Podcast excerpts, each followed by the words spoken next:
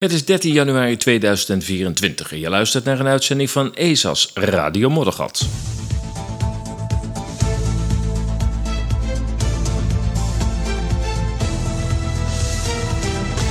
Ja, in deze uitzending boerenprotesten in Duitsland. En wat dacht je van de, de Rijksdag die inmiddels wordt afgeschermd of uh, gebarricadeerd, is maar net hoe je het noemt. Presentatie van Ronald van Ammeroy over de CO2-mist. Daar gaan we het even kort over hebben. En in 2018 mocht je op de NPO nog spreken over de Deep State. Ja, dat mag tegenwoordig niet meer. Zo duidelijk. Is dat wel veranderd? En natuurlijk is de koffie uh, uh, weer van de partij. Want uh, zonder koffie gaat, draait de wereld gewoon niet. Hè? Ja, boerenprotesten in Duitsland. Afgelopen week uh, veel aandacht besteed aan uh, de protesten in Duitsland. Ik zeg boerenprotesten omdat dat wel het accent heeft, maar in veel steden gingen ook uh, burgers op straat, de straat op. In de, in de toch snijdende koude. in sommige steden vijf, zesduizend mensen. Um, dus ja, er is echt wel wat meer aan de hand. En natuurlijk, de media proberen ons te doen geloven dat, dat het alleen maar om uh, de boeren gaat. Maar er is langsman natuurlijk wel een, uh, een hele sterke, algehele onvrede in Duitsland. En uh, geef ze eens ongelijk. Want de Duitse economie die piept en kraakt. Vooral de energieprijzen doen steeds meer bedrijven het land verlaten. Kritiekloos het kritiekloos laten opblazen van de Nord Stream door bondgenoten, de hieruit volgende import van peperdure energie uit de Verenigde Staten, de dolende en falende verduurzaming van de energieopwekking drukken zwaar op de Duitse begroting. Met de voorgestelde maatregelen moet de boerenstand ongeveer 1 miljard bijdragen aan de falende energiepolitiek. Want men komt geld tekort. We hadden nog uh, een paar miljard over van uh, coronapotten. Die was natuurlijk oneindig groot destijds. En er was nog wat over. En uh, men wilde dat uit gaan geven aan windmolens en zonnepanelen. En daar heeft de rechter van gezegd: nee, dat kan niet. Het is voorbestemd voor in dit geval gezondheid of pandemiebestrijding. Het is het noemt. Dat kun je niet ineens inzetten voor windmolens en zonne-energie. Dus dat feest ging niet door en toen moest er wat anders worden bedacht. Tom Poes, verzin een list. En nou ja, laten we de boeren nog maar eens de duimschroef aandraaien. Dat past ook heel, heel goed in het, in, in, in het groene beleid.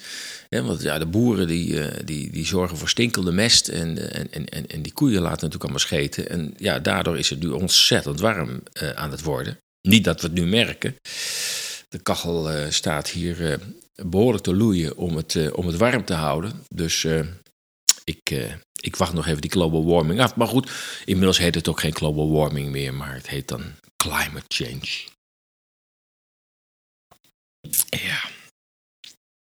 Maar goed, met die voorgestelde maatregelen moet de boerenstand ongeveer 1 miljard bijdragen aan die ervarende energiepolitiek. En de motorrijtuigenbelasting uh, voor tractoren was een van die uh, uh, aspecten. Want de Duitse boeren betalen geen motorrijtuigenbelasting voor hun tractoren. Ook de Nederlandse boeren zijn daarvan vrijgesteld. De redenering is dat de tractoren de meeste uren op het land rijden en niet op de wegen, daar waar de motorrijtuigenbelasting voor is bedoeld. Klinkt tamelijk logisch. De regering in Berlijn wilde dat nu veranderen. En deze maatregel had 480 miljoen in de schatkist moeten brengen. Het zou de gemiddelde boer ongeveer 2800 eh, euro per jaar hebben gekost. Onder druk van protesten liet de regering deze maatregel nog voor de start van de actieweek van de boeren vallen in de hoop dat het protest uit elkaar zou vallen. Hetgeen niet gebeurd is. Wat nog onverkort boven de markt hangt, is de afschaffing van de subsidie tussen aanhalingstekens op diesel. Eigenlijk is er helemaal geen sprake van subsidie, maar vrijstelling van belasting op diesel. Een regeling die ook de luchtvaartsector kent, waar ook geen belasting op kerosine betaald hoeft te worden. Het lijkt erop dat de regering deze maatregel nu wil forceren en de invoering over enkele jaren wil uitsmeren. En deze maatregel had 440 miljoen moeten opleveren. Nou, niet in één jaar dus, als het überhaupt doorgaat over een lange reeks van jaren. ja, ondanks de stijgende inkomens van de boeren de afgelopen jaren, eh, toch krappe marges. Wat het Deutsche Bauernverband schrijft in haar recente bericht, en ik citeer: Uitzonderlijke prijsstijgingen voor levensmiddelen als gevolg van een krappe mondiale aanbodssituatie, in combinatie met de ontwikkeling van de productenprijzen in het verkoopseizoen 2022-2023, hebben geleid tot een recordhoogte van de economische resultaten in de Duitse landbouw. Einde citaat. Het DVB schrijft verder, en ik citeer: Het gemiddelde bedrijfsinkomen van de belangrijkste winstgevende bedrijven steeg met 45% tot 115.400 euro. Dat is geen buitensporig bedrag in vergelijking met de vergelijkbare economische sectoren buiten de landbouw, zoals de slager, de bakker en de bakketbakker. En een groot deel van dit geld moet nog worden gebruikt om nieuwe investeringen te financieren die hun bestaan veilig zullen stellen. Einde citaat. Toch, zo schrijft de Wirtschaftswoche, en ik citeer, er moet echter rekening mee worden gehouden dat veel landbouwbedrijven de afgelopen jaren hun kosten niet hebben gedekt. Einde citaat. Uit de eerste voorlopige analyses blijkt dat de boeren in Noord-Rijn-Westfalen, dat is zeg maar onze uh, buurdeelstaat, uh, ongeveer 126.000 euro winst hebben gemaakt. Die winst was volgens de DBV, dus die Deutsche Bauernverband, dringend nodig om de ontoereikende inkomsten van de afgelopen jaren te compenseren. Gemiddeld verdienden voltijds landbouwbedrijven de afgelopen vijf jaar slechts 62.400 euro, wat niet genoeg was om de kosten te dekken. Nee, dat laat zich raden.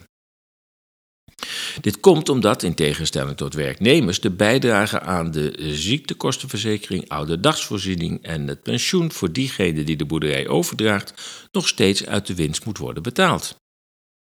Beluister ook maar eens het interview dat ik heb gehad met Else van Hamelen, eh, dacht 18 oktober, over de achtergronden van de huidige eh, crisis in de agrarische sector. Uh, daar zit een veel breder verhaal achter dan ehm, het stijgen van, van eh, de dieselprijzen of eh, het afschaffen van eh, subsidies.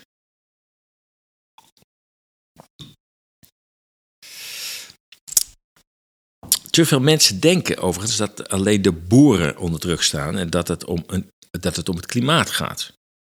Dat is echter een verkeerde voorstelling van zaken. We hebben hier te doen met een economische wurging van middelgrote bedrijven, landbouw of in enige andere branche. De harde maatregelen die tijdens de onnodige lockdowns werden doorgevoerd waren een klap voor het MKB, maar de grootbedrijven, offline en online, hebben recordwinsten gemaakt. Dit tot grote tevredenheid van megabeleggers als de Amerikaanse BlackRock. Vrijwel alle grote ondernemingen in de wereld heeft BlackRock als aandeelhouder. Volgens de kritische econoom Ernst Wolf moeten we ons realiseren wat er op de achtergrond speelt. Er is volgens hem niet zozeer sprake van incompetente politici, al kun je daar naar mijn idee wel anders over denken, zeker in Duitsland, maar van politici die gebonden zijn aan de belangen van mondiaal opererende bedrijven en beleggers. Ze hebben al tijdens de onzinnige maatregelen tijdens COVID al een grote slag geslagen. Maar ze willen meer. De grote markten die het midden- en kleinbedrijf in de landbouw, veeteelt en retail bedienen, moeten in de schoot worden gebracht van de megaconcerns. Het opgelegde online winkelen tijdens de gevaarlijke COVID-tijd vormde een eerste tik voor het MKB, die niet snel naar deze nieuwe vorm van winkelen kan omschakelen. Ook de voedselconcerns draaien overuren, druk met het ontwikkelen van nepvlees, kweekvlees of geprint vlees, maar in geen geval meer vlees van een dier. Hier zijn reeds miljarden in geïnvesteerd. De productie van de boeren moet daarvoor sterk worden teruggedrongen. Ook weer met klimaat als reden, omdat de koeien en varkens te veel methaan zouden uitstoten. De huidige regering in Duitsland, net zoals in Nederland, speelt het spel mee. Al vraag je soms af of alle light-ministers, zoals Jetten, wel doorhebben welke maatschappij ontwrichtende belangen achter het klimaat schuilgaan. Ja, Berlijn als hoofdstad, toen het hoofdstad is geworden, heeft eigenlijk de kloof tussen uh, platteland en ehm, de politiek vergroot. Want denk bijvoorbeeld eens aan de voormalige kanselier van Duitsland, Helmut Kohl, die de beide Duitsland in de eenheid voerde. Hij was het toonbeeld van een plattelander. De rondborstige Kool stond bekend om zijn voorliefde voor, zoals hij dat zei, alles wat dik maakt. Bij een bezoek van de voormalige Russische Sovjet-partijsecretaris Michael Gorbachev aan Kool in de regio Pfalz, een plattelandsregio zou je kunnen zeggen, serveerde Kool zijn gast graag op lokale Rieslingwijn en grote hoeveelheden vlees. Ja, vegetariër was hij niet.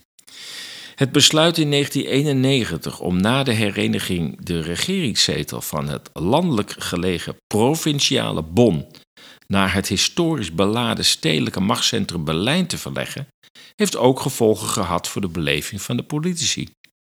De toon werd autoritairder. Onder Angela Merkel werd de term alternatiefloos erg in zwang. Haar manier om te zeggen: dit is het, er zijn geen alternatieven.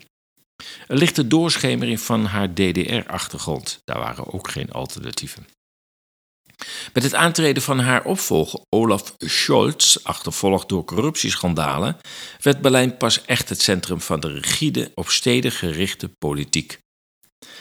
Stedelijke bakfietsidealen hier, landelijke woestenij van lokaal vervoer daar, schrijft het redactionsnetwerk Duitsland, het verbond van mediaredacteuren. Dus dat is de officiële media die dit schrijft. Hè. Dus nogmaals, stedelijke bakfietsidealen hier en landelijke woestenij van lokaal vervoer daar.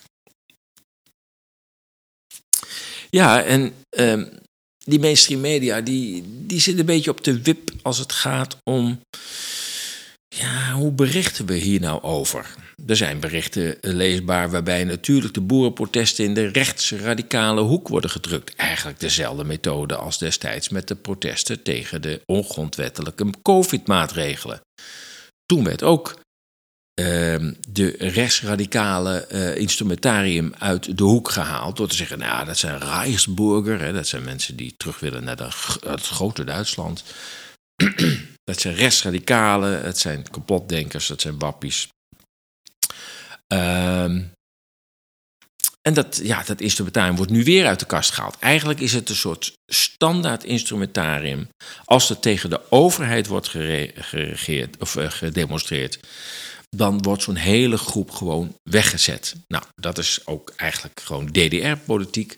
Ze zeggen wel eens, de hereniging in Duitsland heeft ertoe geleid dat het kapitalistisch economisch stelsel van West-Duitsland in Oost-Duitsland terechtkwam, waar de, uh, de, Oost-Duitse uh, totalitaire manier van regeren, autocratisch ehm, regeren, dat is duidelijk iets wat uh, vanuit de DDR over heel Duitsland is gekomen. En daar heeft Merkel natuurlijk een grote bijdrage aan geleverd met haar alternatiefloos. Maar er zijn ook andere uh, reacties in de grote media. Zoals ik, of beluisterde ik een commentaar van uh, RTL-chef-redacteur Jurk Zanjok. Zajonk, klinkt niet echt Duits, van RTL West. En die laat er geen misverstand over bestaan. De boeren zijn terecht boos, oftewel, auf Deutsch, sauer. In zijn commentaar ziet hij een toenemende bureaucratie voor de boeren en steeds lange werken. Ik laat je even een stukje horen. Der Bauer ist sauer und zwar richtig. Viele Landwirte haben die Nase gestrichen voll. Immer mehr Auflagen, immer mehr Bürokratie und immer mehr Arbeit. 70 Stunden die Woche, keine Seltenheit und die Aussichten sind alles andere als rosig. Umweltauflagen steigen, Flächen müssen stillgelegt werden und jetzt auch noch höhere Steuern und weniger Entlastung. Kein Wunder, dass es irgendwann reicht, auch wenn die Regierung jetzt zurückrudert, aber die legitimen Proteste plötzlich angeblich die Demokratie gefährden. Denn die Wut der Bauern ist mehr, mehr als nur die Reaktion auf eine Fehlentscheidung. Die Bauernproteste bringen auf den Punkt, was viele fühlen. Die Politik kümmert sich zu wenig um das Leben ganz normaler Menschen. Alles wird teurer, alles komplizierter, immer weniger funktioniert problemlos. Die Wirtschaft schrumpft, Strom ist knapp, Brücken bröckeln. Wir haben zu wenig Lehrer, Ärzte, Pfleger, dafür zu viel Bürokratie, Verwaltung, Hindernisse. Alles dauert ewig und kaum irgendwas wird besser. So das Gefühl vieler Menschen. Und die Finanzen steht es schlecht, doch für Projekte in der ganzen Welt ist Geld da. Und dann will Deutschland auch noch das Klima retten, notfalls im Alleingang. Wer kann das noch verstehen? All das steckt in den heutigen Protesten. All das sollte die Politiker zum Nachdenken bringen. Es ist höchste Zeit, denn schon längst ist nicht mehr nur der Bauer sauer. Ja, ik zal het even vertalen, want niet iedereen, niet iedereen verstaat Duits uh, begrijpelijke wijze. Werkweken van 70 uur zijn momenteel de regel. En zoals hij letterlijk zegt, en de vooruitzichten zijn alles behalve rooskleurig. Steeds vaker moeten delen van landbouwgronden uit productie worden genomen, terwijl de belastingen stijgen, al dus Zajonk. Ook al lijkt de regering er pas op de plaats te maken vanwege de demonstraties, die, volgens de regering, de democratie in gevaar brengen. Dat is ook zoiets. De demonstreren, dat, uh, dat brengt de democratie in gevaar. Moet gewoon niet meer gedemonstreerd worden. Dat is ook helemaal geen democratisch instrument. Goed, ga verder. De woede van de boeren is om meer, meer dan een reactie op een verkeerde beslissing. De boerenprotesten brengen het punt aan de orde wat velen voelen. De regering bekommert zich te weinig om het leven van normale mensen. Alles wordt duurder, gecompliceerder en steeds minder functioneert nog probleemloos. De economie krimpt, de energie is schaars, bruggen verslechteren. We hebben te weinig leraren, artsen en verpleegkundigen en daarentegen te veel bureaucratie, administratie en belemmering. Alles duurt eeuwig en amper verbetert zich iets. Dat is het gevoel van veel mensen. De overheid staat er financieel slecht voor, maar voor projecten in het buitenland is er altijd geld. En dan wil Duitsland ook nog het klimaat redden, desnoods alleen. Wie kan dit nog begrijpen? Dit gaat dus schuil achter de huidige protesten. Dit alles zouden politici tot nadenken stem, moeten stemmen. Het is de hoogste tijd en allang zijn niet meer, gaat het niet alleen meer om de boeren. Einde citaat. Ja, ik, uh, dat is dus een, een commentaar van uh, de chefredacteur van RTL West. Dus dat geeft aan dat ook binnen de mainstream media er nu ineens weer iets van differentiatie gaat ontstaan. Dus een, een deel van de media die nog op de toer eh, zit, dat, uh, dat de boeren uh, uh, ja, toch uit de rechtsradicale hoek komen, de democratie in gevaar brengen. Althans, dat zegt dan de regering, maar dat schrijven ze dan eigenlijk kritiekloos op. In plaats van als media te zeggen: ja, hallo, de demonstreren is gewoon een van de meest fundamentele rechten van de mens, maar ook uh, wat hoort bij een democratie. Als je niet meer kunt demonstreren, dan kun je eigenlijk wel zeggen: dan heb je de democratie ten gave gedragen. En ik, ja, ik snap ook eerlijk gezegd wel um, alle, alle ja, negatieve gevoelens. Niet alleen van de boeren vanwege hun economische situatie, maar ook het feit dat het door, regelgeving steeds ingewikkelder wordt gemaakt om hun bedrijf nog overeind uh, uh, te houden. Um, dat geldt overigens voor biologische bedrijven overigens ook. Die hebben het ook niet altijd even makkelijk. Um, maar goed, er zijn ook rare misstanden. Zo las ik van de week in de, in de krant dat er in Arnhem een, een dacht 36 of 37-jarige zwerver in de vrieskou op straat om het leven is gekomen. En dan denk ik, ja, maar wacht eens even. Heel veel mensen van buiten dit land, eh, immigranten, die zitten nu bij Van der Valk in de hotels. Of op luxe cruiseschepen. En kunnen s'avonds aanschuiven bij het buffet. En hoe kan het nou dat we voor mensen die hier geboren zijn, die hier hun ouders hebben, hun broers, hun zusters, dat die dus op straat moeten doodvriezen. Ik kan daar echt niet bij en ik kan me voorstellen dat steeds meer mensen zeggen: ja, dit is zo fout. Dit is zo niet in orde. Um, als de regering dat zelf niet inziet, um, ja, dan wordt het tijd dat de regering gewoon verdwijnt. Want als je, als je dat als, als politicus uh, niet meer snapt, dat je mensen die hier geboren zijn en, en van de vrieskou op straat komen te sterven. En vervolgens laat je 200.000 mensen per jaar toe, waarvan een groot deel, niet allemaal overigens, want er zit ook heel veel in asielzoekerscentra, in AZC's, maar er zit ook een, behoorlijk deel in hotels, in vakantiehuisjes, op cruiseschepen. Uh, gewoon warm, krijgen te eten, worden gekleed. En dan denk ik, ja, maar als je nou die zwerver ook daartoe had gelaten, nou, misschien niet uh, in dezelfde groep, als je zwervers nou op die manier ook opvangt, mensen die dak- en thuisloos, zwervers een verkeerd woord natuurlijk, maar dus dak- en thuislozen, als je die op die manier ook opvangt en daarna tegen mensen zegt die hier naartoe komen, ja, maar jullie hebben dat recht eventueel ook, maar eerst de mensen die hier geboren zijn, dan kan me er nog iets bij voorstellen. Maar we laten dus de mensen die hier geboren zijn, die dak- en thuisloos zijn door omstandigheden, meestal doordat de kosten uit de hand zijn gelopen en, en hun huis niet meer kunnen betalen, die laten we gewoon op straat sterven. Even een heel ander onderwerp. Um, twee activiteiten waar je in deze uh, winterse dagen uh, s'avonds gewoon lekker naartoe kunt. Even eruit, even wat anders horen. Um, er zijn twee, uh, twee zaken waar je naartoe kunt gaan. op 1 februari, dat is een woensdagavond, verzorg ik een lezing over, uh, over Berlijn.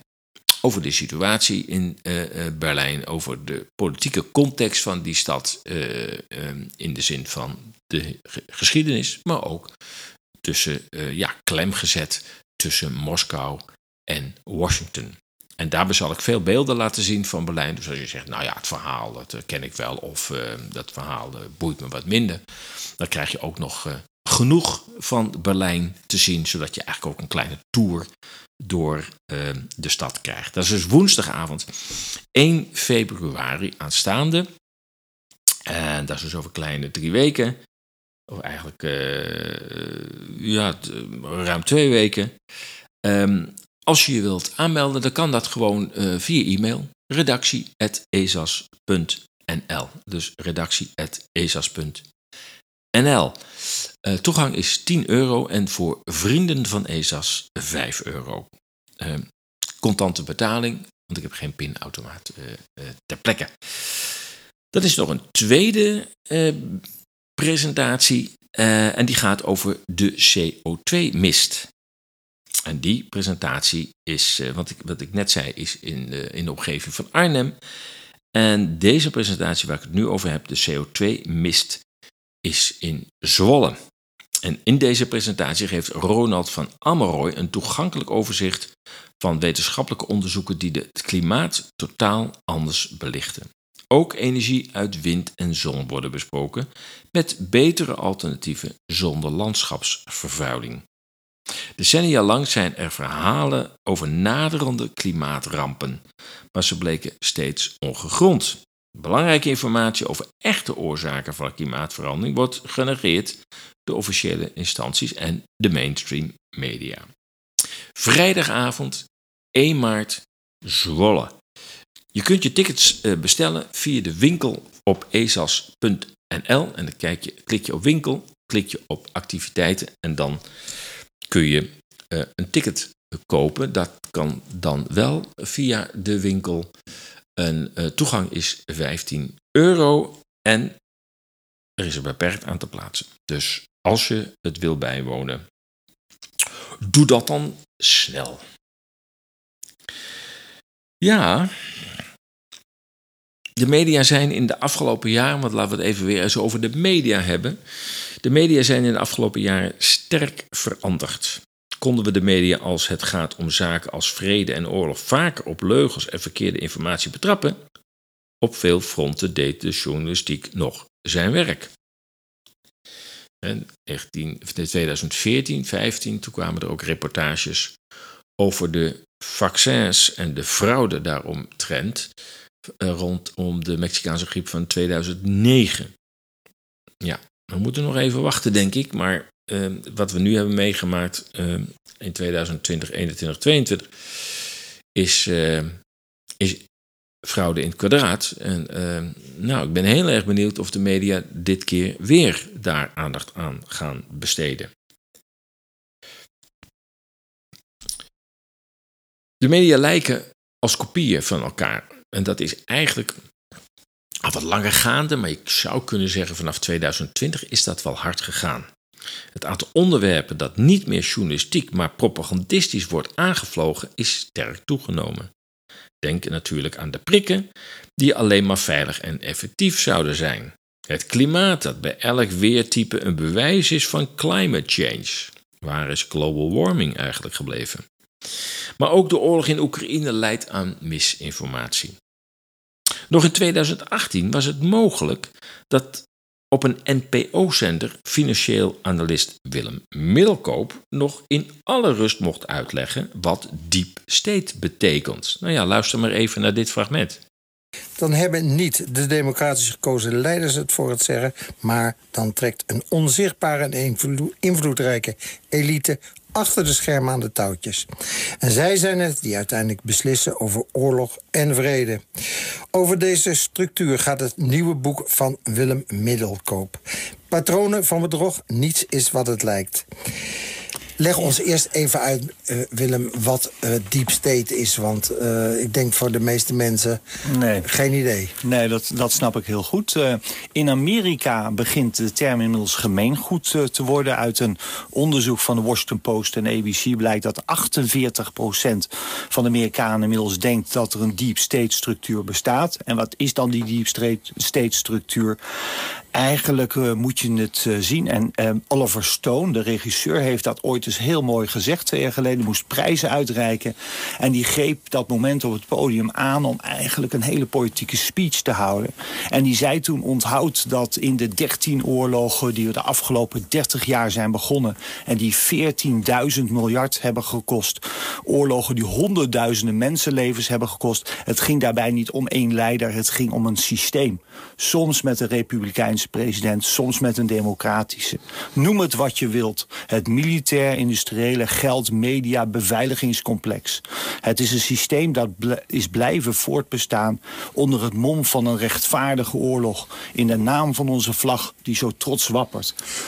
Wie zijn dat dan, dat militair-industriële complex? Nou, toen ik op de middelbare school zat, dus weer lang geleden, in de jaren 70, weet ik dat ik wel te horen kreeg van uh, de leraar geschiedenis of ouders, en ik weet niet meer, dat er in Amerika een militair-industrieel complex was, wat heel machtig was. Hè. De grote bedrijven, eigenlijk voortkomend al uit de Tweede Wereldoorlog, of misschien zelfs al daarvoor, waarbij er heel veel geld omgaat. Waarbij het belangrijk is dat er altijd een oorlog te voeren is. We hebben een appendix van 20 pagina's achterin. Oh. En blijkt dat Amerika maar 17 jaar sinds de onafhankelijkheid geen oorlog, geen militaire acties heeft uitgevoerd. Oh. En die acties zijn altijd nodig om uh, de vrijheid te brengen. En, wat dachten jullie toen over die uh, leraar? Oh, dat is weer zo'n PPR-stemmer? Nou, nee, dat, dat is bij mij altijd wel blijven hangen. Oh. Uh, maar later, later, ik heb heel veel onderzoek gedaan naar ja, eigenlijk het financieel-economisch systeem. Hè, daar gingen mijn eerste boeken over.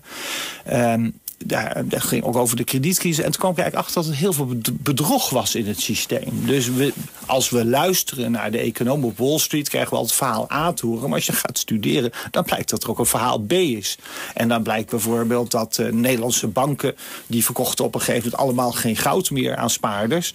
Uh, want Amerika die zag dat goud als de antidollar.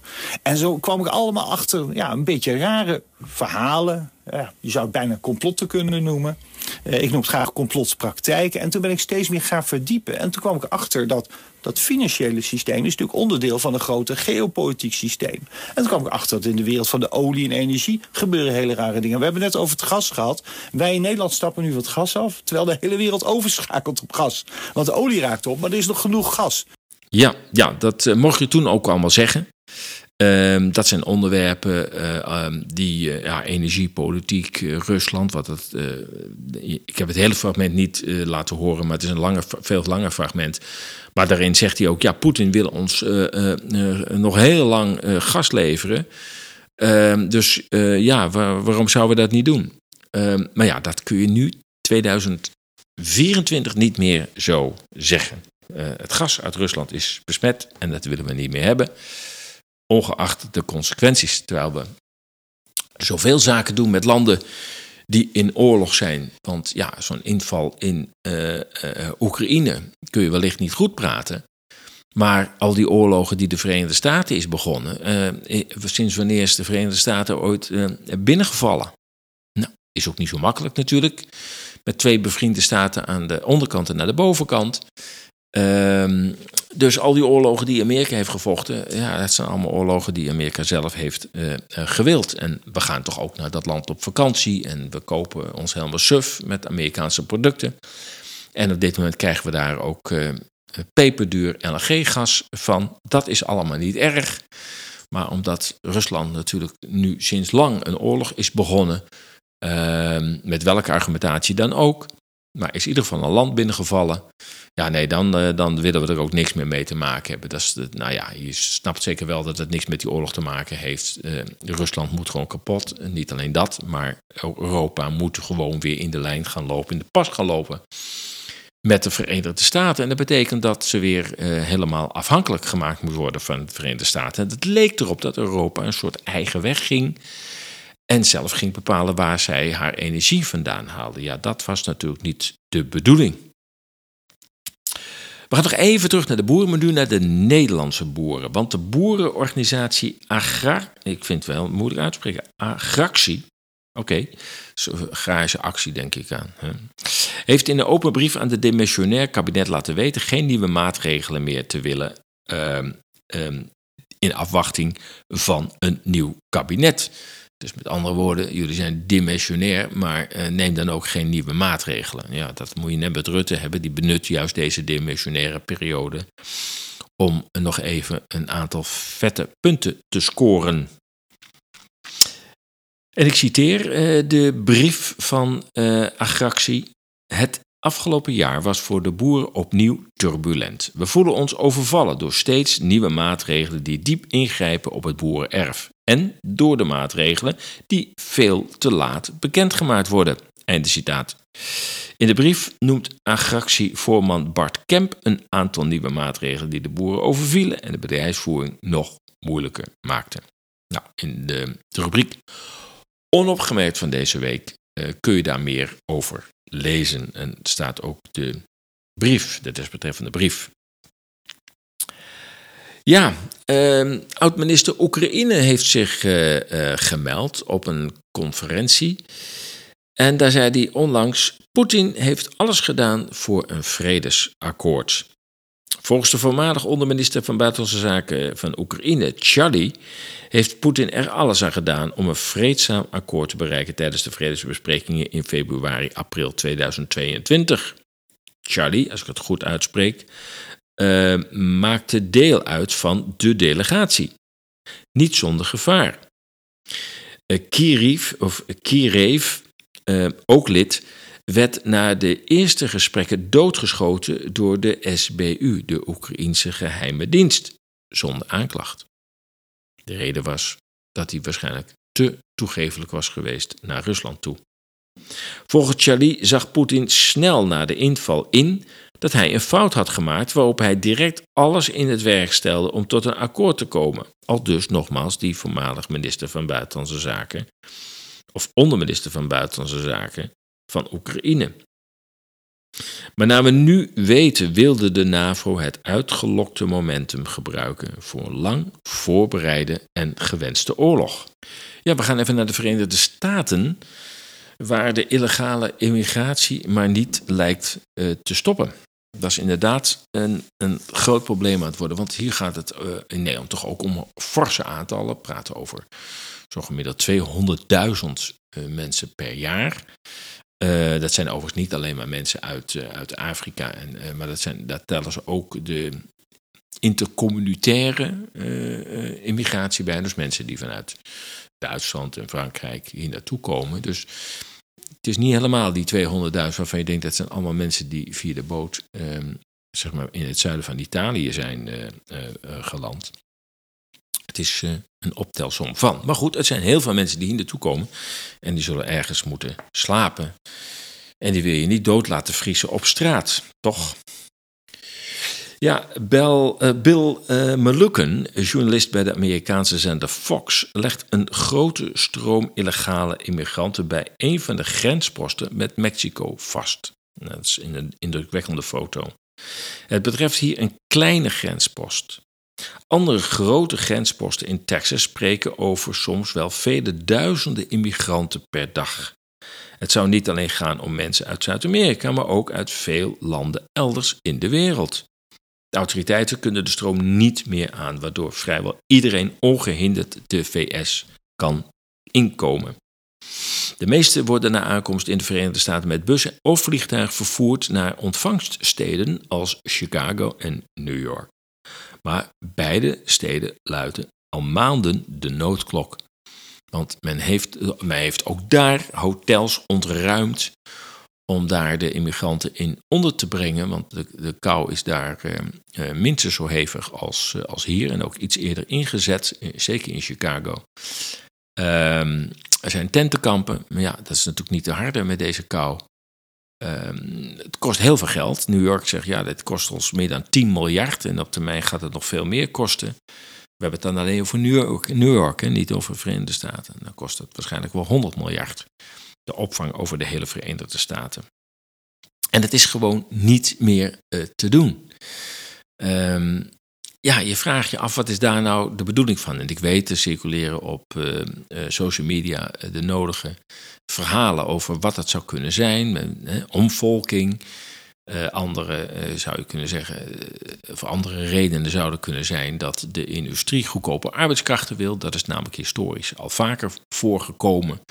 Dat men ehm, ja, wil dat eventueel te hoge lonen in een bepaald land worden gedrukt door een grote influx van goedkope arbeidskrachten uh, uh, toe te staan en te stimuleren. Ik kan me nog een brief herinneren die in, het, uh, in Berlijn in het museum hangt. Ehm, ik dacht uit de twintige jaar vorige eeuw, als ik het goed heb. Maar goed, daar werd ook gezegd door de toenmalig minister. Ja, om de vakbondseisen voor hogere lonen te breken, moeten we de immigratie gaan opvoeren. Dus dat kan ook natuurlijk nog een reden zijn. Anderen zeggen weer, uh, ja, de bedoeling is dat de samenleving wordt gedestabiliseerd. Nou ja, uh, welke intentie er ook achter zit, je kunt één ding in ieder geval zeggen. Uh, al, die, al die effecten zijn er. Er komen goedkope arbeidskrachten binnen.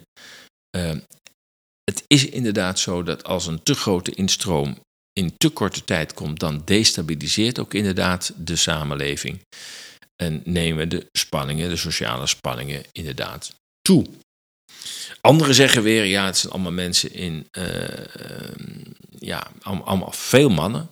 Um, en um, ja, allemaal in, de, in een bepaalde leeftijdsgroep. Voordat je het weet zitten daar heel veel milities tussen. Ja, dat zou zeker kunnen. Overigens valt op dat het fotomateriaal wat uh, uit Amerika komt, dat uh, het daar niet uitsluitend mannen zijn. Er lopen ook hele gezinnen lopen daar uh, mee. Maar daarbij valt ook op dat die gezinnen, die mensen over het algemeen schone kleding aan hebben.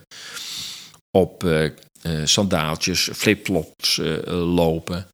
Kortom, met een baby op de arm. Maar ze zien er allemaal verzorgd uit, goed doorvoed, nieuwe rugzakken. Um, kortom, dat lijkt erop dat daar de situatie toch weer anders is dan in Europa, waar over het algemeen inderdaad echt relatief veel jonge mannen hier naartoe komen. Uh, uit Afrikaanse landen, deels islamitische landen. Uh, terwijl de Verenigde Staten komt daar toch een iets andere groep binnen. Dus dat, dat zijn niet twee dezelfde fenomenen. Wat wel hetzelfde is, is dat beide samenlevingen, zowel de Europese, maar ook de uh, Amerikaanse, grote, grote moeite heeft om met die enorme aantallen om te gaan. Ja, en er waren natuurlijk toch de overstromingen afgelopen week. Ja, ik dacht van de zomer, het wordt steeds droger. En nou wordt het weer steeds natter, want als je nou gewoon door het bos loopt, dan, uh, dan zie je gewoon kleine meertjes uh, uh, ineens die zijn ontstaan. Ik denk dat is zoveel water gevallen. Het is echt ongelooflijk. Ehm, dus ja, de grote droogte, zoals steeds wordt gezegd, ja, die, die is niet aangetoond. En bovendien, als je naar grafieken van de, de lange termijn grafieken van, de, van het KNMI kijkt, dan zie je dat sinds begin vorige eeuw de hoeveelheid regen is gestegen. Er zit wel een variatie in, hè, dus dan, gaat het in een bepaald jaar ineens heel veel meer worden en dan gaat het jaar erop gaat het weer minder. Maar de meridiaan, het gemiddelde, gaat steeds omhoog. En we zitten geloof ik nu op 800 mm per jaar. En ik kan me nog herinneren dat zeker 10, 15 jaar geleden was dat nog 700 mm per jaar. Dus het regent gewoon. Uh, er valt gewoon meer water. Maar in een iets veranderd patroon. Dat, is, dat mogen duidelijk zijn. Dus we moeten gewoon weer iets anders met het water doen. Waar we normaal gesproken het water zo snel mogelijk afvoerden. Nou ja, uh, er valt genoeg water, om niet te zeggen er valt meer water dan 10, 15 jaar geleden. Dus zorg dat je het opvangt en dat je er uh, uh, in de, een droge zomer wat aan hebt. Ja, en met de bossen is het natuurlijk zo. Het valt heel erg op dat de, de bossen met een goede onderbegroeiing. Die houden het vocht heel lang vast. Dus als daar eens een plensbui valt, dan stroomt het ook niet allemaal meteen weg. Dat wordt vastgehouden door de onderbegroeiing. Het zijn natuurlijk de, de zandgronden waar het water natuurlijk, als het geval is, ook wel weer meteen weg is. En als er dan drie weken droogte optreedt, dan, dan is dat water ook echt weg. Dus ja, zaken veranderen inderdaad. De ene boom kan er wel tegen, het andere boom kan er niet tegen. En misschien kan er weer nieuwe soorten weer beter tegen, tegen de nieuwe situatie. Uh, de natuur verandert altijd. En uh, ik denk dat we daar wel alert op moeten zijn. Maar uh, dat hele paniekgedoe om uiteindelijk duizend miljard uit onze Europese belastingbetalers zakken te kloppen, dat, is, dat is echt niet gerechtvaardigd. Ik zou zeggen, voor een stuk minder geld kunnen we ons aanpassen aan de eventuele veranderingen. Ja, en daarnaast is het natuurlijk ook zo dat ja, sommige mensen zeggen van um, die overstromingen, zoals in het aardal in, in Duitsland destijds, maar ook nu weer in diverse uh, dorpen en steden. Uh, ik hoorde zelfs van uh, mensen langs de Utrechtse Heuvelrug. Dat daar kelders werden leeggepompt. En dan denk ik, hoe kan dat nou? Dat, is allemaal zandgrond daar. Nou ja, het zijn gekke dingen. En zo zou Rijkswaterstaat volgens online berichten, net zoals de Duitse waterbeheerders vanwege de droge zomer, het water te lang hebben willen vasthouden waardoor toen de hevige regenval kwam, het water boven een normaal peil uitkwam, maar het water niet meer zo snel geloosd kon worden. Want nee, de regen was al natuurlijk omvangrijk. Als je dan ook nog eens de sluizen openzet of de stuwdam openzet, zo van ja, die moet gauw leeg, ja, dat je optelsom en dat kan dan niet meer. Um, in een brief van, die, van een jachthaven in Monnikendam wordt uitleg gegeven aan het gevoerde beleid door Rijkswaterstaat. En een schipper op X, Twitter dus, die, uh, die schreef: Ik ben schipper en er speelt iets heel smerigs. Het afvoeren naar zee, de, de afvoeren naar zee stonden helemaal dicht. Afsluitdijk, Kornweert, Den Oever, Haringvlietsluizen, Oosterscheldekering, Ramspol. Hoe verzuip je Nederland? Water vasthouden. Einde citaat. Ja, ik uh, was er niet bij, maar uh, ja, uh, dit zou dus door de media onderzocht moeten worden. Is dat inderdaad zo? Ik neem aan dat hij dat zo beweert. Ehm, het is iemand die de hele dag met water bezig is als beheerder van de jachthaven. Ja, dan, is er, dan zijn er toch wel vragen te stellen aan, aan Rijkswaterstaat. Van ja, hoe zit dat precies? Zij zullen zeggen, ja, we moeten het water zoveel mogelijk vasthouden, want uh, droge periode. Maar ik neem aan dat zij ook weersvoorspellingen lezen en hebben kunnen zien dat er een grotere periode van uh, nattigheid aan zou komen en dat ze daarop hadden moeten uh, anticiperen. Ja, je hebt nog één onderwerp van mij te goed voordat ik het vergeet. Ik, uh, ik kondigde aan nog even te hebben over de barricadering, zou je kunnen zeggen, van de Rijksdag. Um, dat is best wel opvallend. Want dat is nog een plan overigens uit 2019. Toen stond het voor het eerst in de Berliner Zeitung met ook een tekening. Die kun je ook op de website uh, zien in een van de artikelen afgelopen week over de boerenprotesten in Duitsland. Um, ja, er wordt op dit moment uh, gewerkt aan een soort droge slotgracht.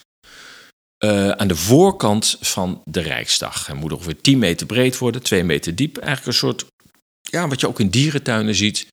Zo'n aflopende uh, ja, helling. En dan komt er ineens zo'n hoge muur. Ehm, en dat betekent dat je, zeg maar, als je, als je gewoon op het maaiveld staat, dat je nou ja, niet ziet dat je er niet naartoe kunt lopen. Want het is zeg maar gelijk aan het maaiveld. Je kunt dus de Rijksdag mooi blijven fotograferen. Maar je kunt er niet meer bij komen. Aan de zijkanten worden grote hekken gezet. Ehm, ja, je kunt je afvragen waarom eh, de Duitse overheid zich aan het ingraven is. We hadden het straks over, daar straks over de, de afstand tussen bevolking en politiek. Nou, die wordt nu wel heel erg letterlijk uh, kracht bijgezet door ehm, ja, een soort vesting te maken van uh, de Rijksdag. ja, dat vind ik toch wel heel bijzonder. En misschien ook wel alarmerend dat ik denk van, ja, wat denken zij dat er gaat gebeuren? Hebben ze maatregelen in petto waarvan zij vermoeden dat de, het volk het dan langzamerhand wel meer dan die nazen vol heeft. En misschien een stormloop, hè, een beetje zoals in de Verenigde Staten 2020 op het Capitool, dat dat op de reisdag, bij de reisdag ook gaat gebeuren. Ik weet het niet. We kunnen er alleen maar naar raden waarom dat is. Maar ik vind het geen positieve ontwikkeling in elk geval. Ja, het zijn vreemde tijden. En ja, de rode draad door al die berichten is toch vooral ja, dat, dat er een groot wantrouwen is naar de overheid. En zelfs Rijkswaterstaat, wat toch een van de weinige afdelingen koninkrijkjes eigenlijk wel, uh, binnen de overheid, dat, dat eigenlijk kritiekloos uh, door het leven ging. Hè. Rijkswaterstaat die onze wegen zo mooi uh, bijhoudt. Uh, ze zijn schoon, ze zijn heel over het algemeen. Ehm, ja, is ook verantwoordelijk voor waterbeheer. Nou, daar, daar zijn we toch ook helden van de wereld in. En heel lang is Rijkswaterstaat ook een beetje buiten de kritiek gebleven, die over het algemeen over de overheid wordt, wordt geuit. En nu komt ook Rijkswaterstaat in beeld. En dat geeft ja, of aan dat de overheid steeds vaker begint te dysfunctioneren. Zoals de RTL-redacteur uh, ook over Duitse overheid zegt: van ja, dat functioneert hier steeds minder. Uh, ja, misschien is dat in Nederland ook aan de hand. Dat, er, dat, ja, dat, dat wat altijd heel goed functioneerde, nu niet meer zo goed functioneert. Maar ja, dan moet je je toch wel afvragen hoe komt het dat, uh, dat Rijkswaterstaat dit zo uit de hand heeft laten lopen. Uh, ik, uh, ik, denk dat een groot deel van de ambtenaren bij Rijkswaterstaat die hierover gaan en de waterschappen, dat die te goede trouw zijn, mag je toch hopen. En ehm, ja, dit op verkeerde inschatting is berust. Maar ik kan me ook heel erg voorstellen dat er heel veel mensen zijn die zeggen: ja, maar met de leugenachtigheid van de afgelopen jaren die we van de overheid hebben gezien, vertrouwen we dit ook niet meer. Ja, daar is op een gegeven moment ook niet meer tegen aan te praten. De overheid heeft de zaak zo verziekt. Uh, nou, we lazen over Duitsland net, maar uh, ook, over, ook, ook in Nederland hetzelfde verhaal. Ja, dat je denkt, ja, kan het ook niet meer kwalijk nemen dat je langzamerhand niets meer, uh, meer vertrouwt. Goed, we gaan er een einde aan breien aan deze uitzending. Je luisterde weer naar een uitzending van ESA's Radio Moddergat. Als je deze podcast waardevol vond, ondersteun ESA's dan met een donatie, een lidmaatschap of aankoop van een van onze magazines of dossiers. Het Winter Magazine is uit. Download hem, bewaar hem, het is een tijdsdocument. Maak ons bereik groter en deel deze podcast van de Radio Moddergat op je social kanalen. Je kunt ESA's volgen via onze nieuwsbrief, RSS, Telegram en Substack. Kijk voor meer informatie op ezas.nl. Ik wens je een goed weekend. Blijf waakzaam, blijf sterk en tot volgende week.